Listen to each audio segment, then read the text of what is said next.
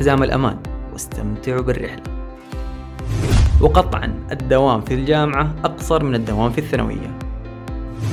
طيب كيف نسمع لمحاضرة طولها ساعتين بالإنجليزي؟ والكتاب كله بالإنجليزي. الإجابة باختصار هل فعلا الدكتور له صلاحية كاملة بالدرجات؟ أنا ما ودي أخوفكم وأقول لكم إنه الجامعة مرة صعبة لكن بعطيكم الواقع. وممكن تنام بس لا يصيدك الدكتور وتتهزأ قدام مية طالب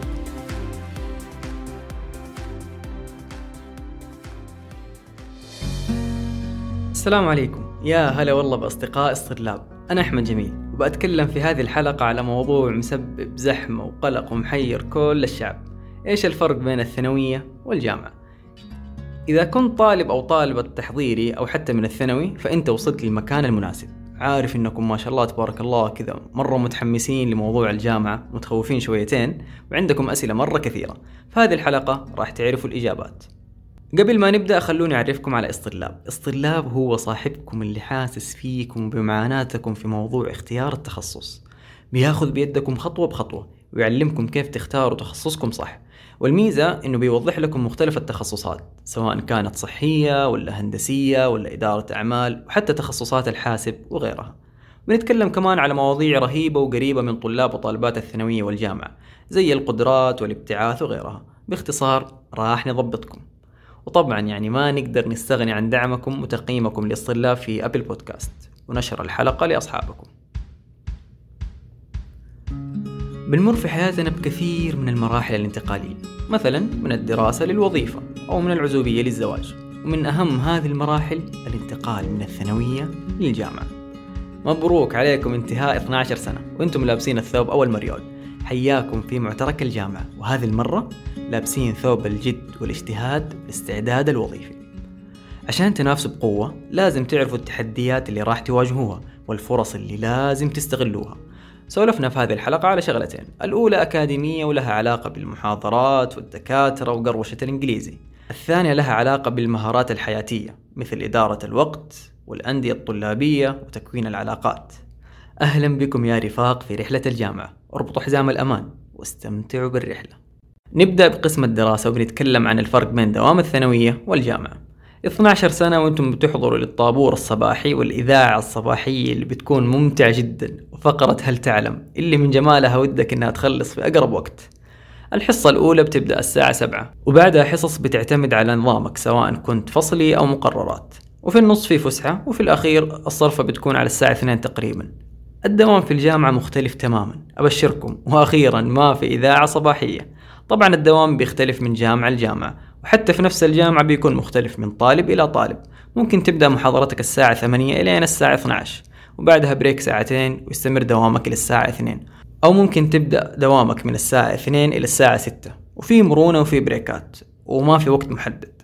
وقطعا الدوام في الجامعة أقصر من الدوام في الثانوية. بس في التحضيري بيكون الدوام طويل شويتين بسبب برنامج اللغة الإنجليزية. ودام اننا جبنا سيرة الإنجليزي. خلينا نطرح سؤال. هل فعلا بنواجه صعوبة في الدراسة بالإنجليزي؟ طيب كيف نسمع لمحاضرة طولها ساعتين بالإنجليزي؟ والكتاب كله بالإنجليزي؟ الإجابة باختصار راح تتعودوا. أغلب المواد العلمية في أغلب الجامعات بتكون بالإنجليزي والمنهج جزء كبير منه بيشبه الأساسيات في المواد اللي في المرحلة الثانوية. لكن الفرق إنه بالإنجليزي. إن كان في صعوبة بتكون في المصطلحات. مثلا السرعة بتساوي المسافة على الزمن هي نفسها speed equals to distance over time. غالبا الدكاترة بيراعوا موضوع إنه لغتنا الأم هي العربية وبالتالي ترى بيستخدموا لغة بسيطة. ممكن تكون في صعوبة في موضوع الأكسنت أو اللهجة عند بعض الدكاترة. لكن مرة ثانية بقول لكم صدقوني راح تتعودوا لدرجة إنكم ما راح تفهموا المادة إلا بالإنجليزي. ننتقل لنقطة الفرق ما بين الدكتور والأستاذ. الأستاذ عبارة عن كائن لطيف يشرح المادة عن طريق منهج موحد. خلال 45 دقيقة أو حاليا صارت 30 دقيقة مع وضع كورونا والأونلاين. الأستاذ فوقه مشرف تربوي ومدير ووكيل ويدرس من 16 إلى 24 حصة أسبوعيا.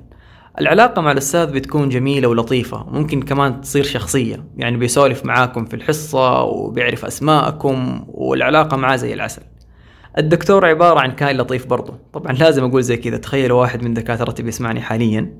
وللتوضيح دكتور يعني أخذ الماجستير وبعدها أخذ الدكتوراه. لكن الشخص اللي بيشرح في القاعة مو شرط يكون دكتور لكن جرت العادة إننا نناديه بكلمة دكتور.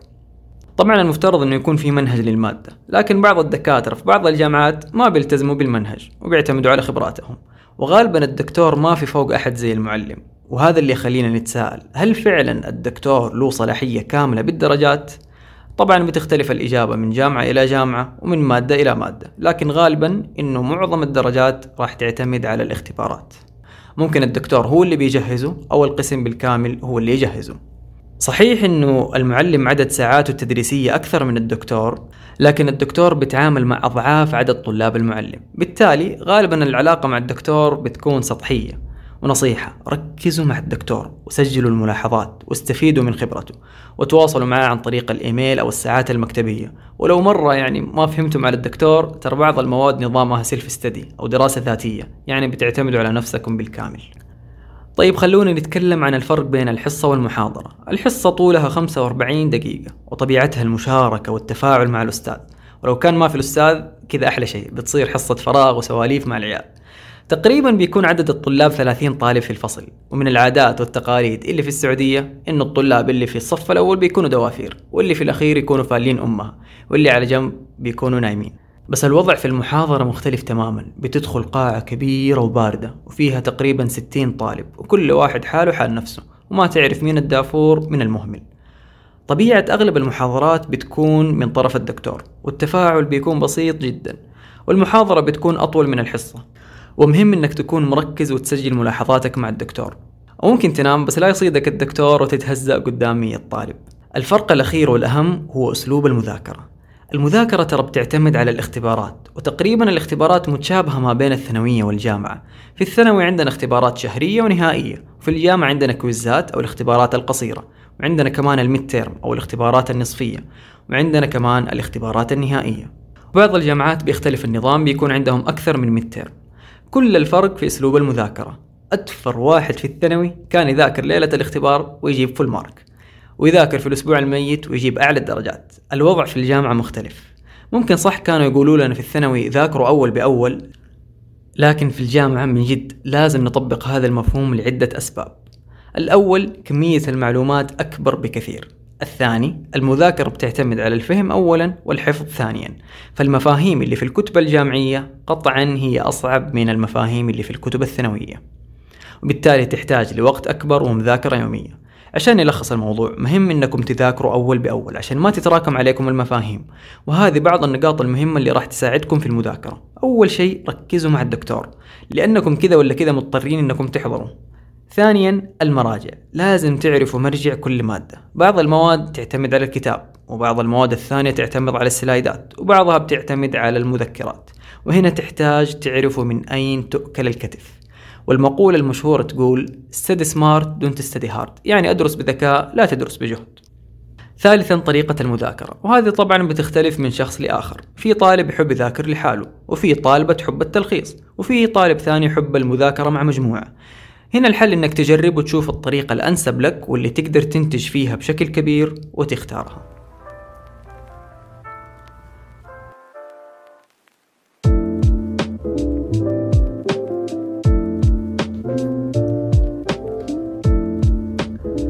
هذه كانت أهم النقاط في موضوع الدراسة. خلونا ننتقل لموضوع المهارات الحياتية واللي ما يقل أهمية عن الدراسة. المسؤوليات اللي كانت علينا في الثانوية محدودة وبسيطة. اختبار قصير ولا مطوية ولا بحث والأهل كانوا بيتابعونا إلى حد ما في بعض مسؤولياتنا. أنا ما ودي أخوفكم وأقول لكم إنه الجامعة مرة صعبة لكن بعطيكم الواقع. الوضع في الجامعة في ضغط أكبر. صح ممكن عدد المواد أقل لكن كمية المعلومات والمسؤوليات بتكون أكبر. لو سألتم أي طالب جامعي ناجح عن الخلطة السرية للنجاح راح يقول لكم إدارة الوقت. وإدارة الوقت تعتبر جزء من الإنتاجية. عشان تكون منتج تحتاج إنك تدير وقتك وتدير مهامك. خلينا نبدأ بإدارة المهام وبعطيكم نموذجين. النموذج الأول هو عجلة الحياة عبارة عن أهم ثمانية جوانب في حياتنا اللي هي الدين والذات العائلة المجتمع الصحة المال الترفيه والمهنة. أو في وضعنا الحالي بدل المهنة نقول عنها الدراسة. النموذج الثاني بيتضمن ثلاثة جوانب.